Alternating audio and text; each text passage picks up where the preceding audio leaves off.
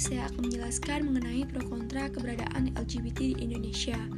Budaya LGBT di Indonesia sudah tidak dapat kita pungkiri lagi keberadaannya. Bahkan kita sebagai masyarakat banyak yang memandang sebelah mata keberadaan para LGBT ini. Nah, dalam podcast saya kali ini, saya akan membahas apa yang menyebabkan para lesbian, gay, bahkan waria masih memperlakukan pekerjaan tersebut. Di Indonesia sendiri, kasus kekerasan seksual yang dilakukan oleh seorang gay atau sejenisnya kepada pasangannya sudah sering kali terjadi walaupun belum terbongkar secara vulgar atau terang-terangan ke ranah publik.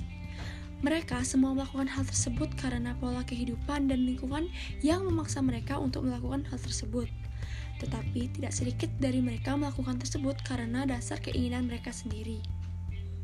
Nah, sebenarnya mereka mencoba terlepas dari pribadi yang seharusnya mereka mampu menjadi diri mereka sendiri yang sempurna. Dalam kajian teori sosiologi, menurut teori Emil Durkheim yang menjelaskan fakta sosial, mereka melakukan fakta sosial yang ada pada diri mereka sehingga mereka yang melakukan hal itu mendapatkan sanksi yang mereka terima akibat berbuat fakta sosial yang bertentangan dengan apa yang ada di masyarakat.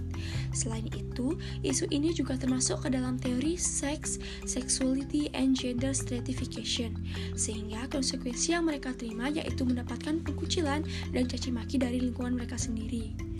Namun, kebanyakan dari kita yang memberikan sanksi tanpa melihat latar belakang yang mereka lakukan dan kita tidak berpikir bagaimana cara kita untuk mengubah mereka menjadi pribadi mereka yang sesungguhnya. Nah, dalam permasalahan gender, yang ada dalam kehidupan ini yaitu menurut Giddens menyatakan bahwa konsep gender yaitu menyangkut the psychological, social, and cultural difference between males and females atau perbedaan psikologis, sosial, dan budaya antara laki-laki dan perempuan. Nah, dapat kita lihat dari beberapa contoh, yaitu contoh kasus selebgram yaitu Ian Haugen yang mengaku dirinya seorang perempuan. Namun karena kami biologisnya laki-laki, dalam kasus ini orientasi seksual Ian Haugen adalah transgender yang menyatakan bahwa itu adalah privasinya dan siapa pun tidak berhak atas mengubah hal tersebut.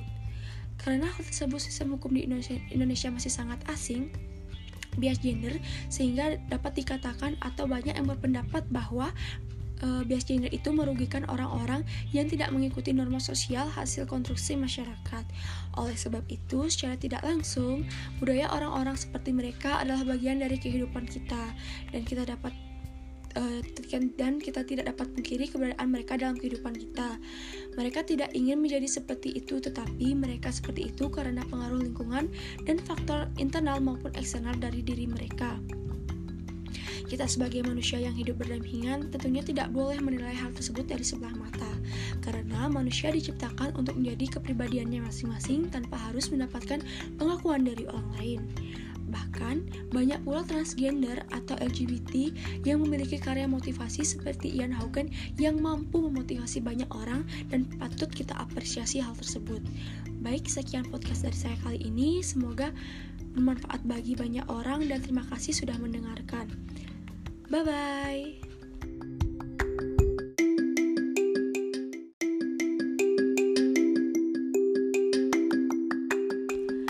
Halo semua, apa kabar kalian? Semoga dalam keadaan sehat ya.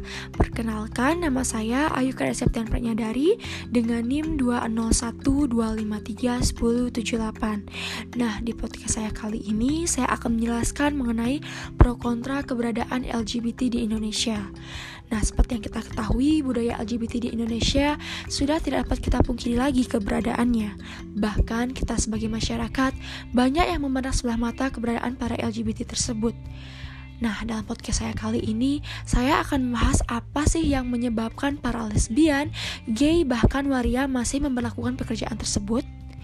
Nah, di Indonesia sendiri, kasus kekerasan seksual yang dilakukan oleh seorang gay atau sejenisnya kepada pasangannya sudah sering kali terjadi, walaupun belum terbongkar secara vulgar atau terang-terangan karena publik.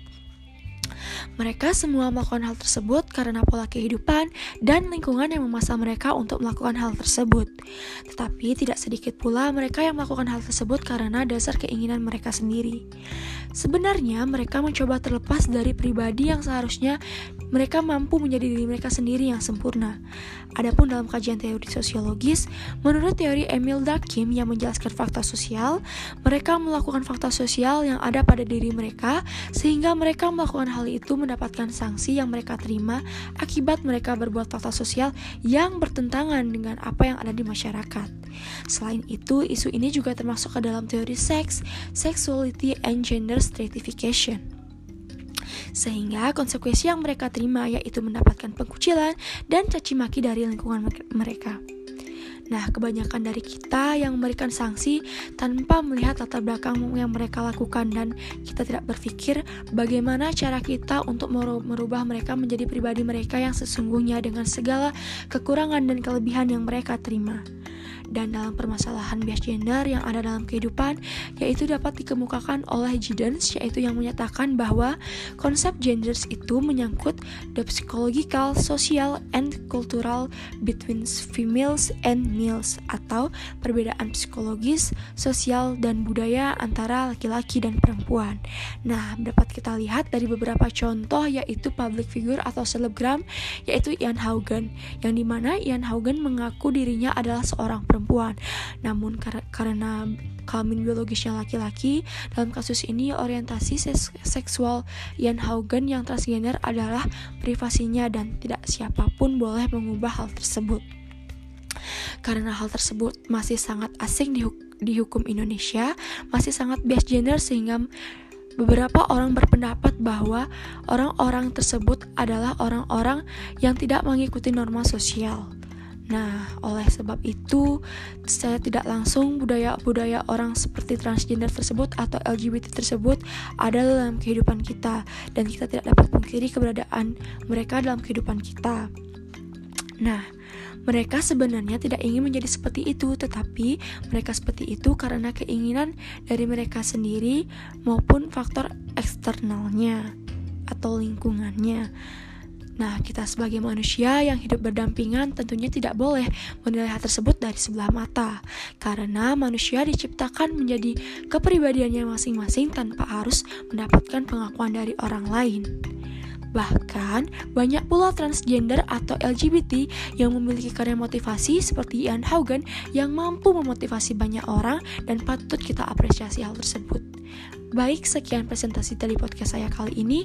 Semoga bermanfaat bagi banyak orang dan terima kasih sudah mendengarkan.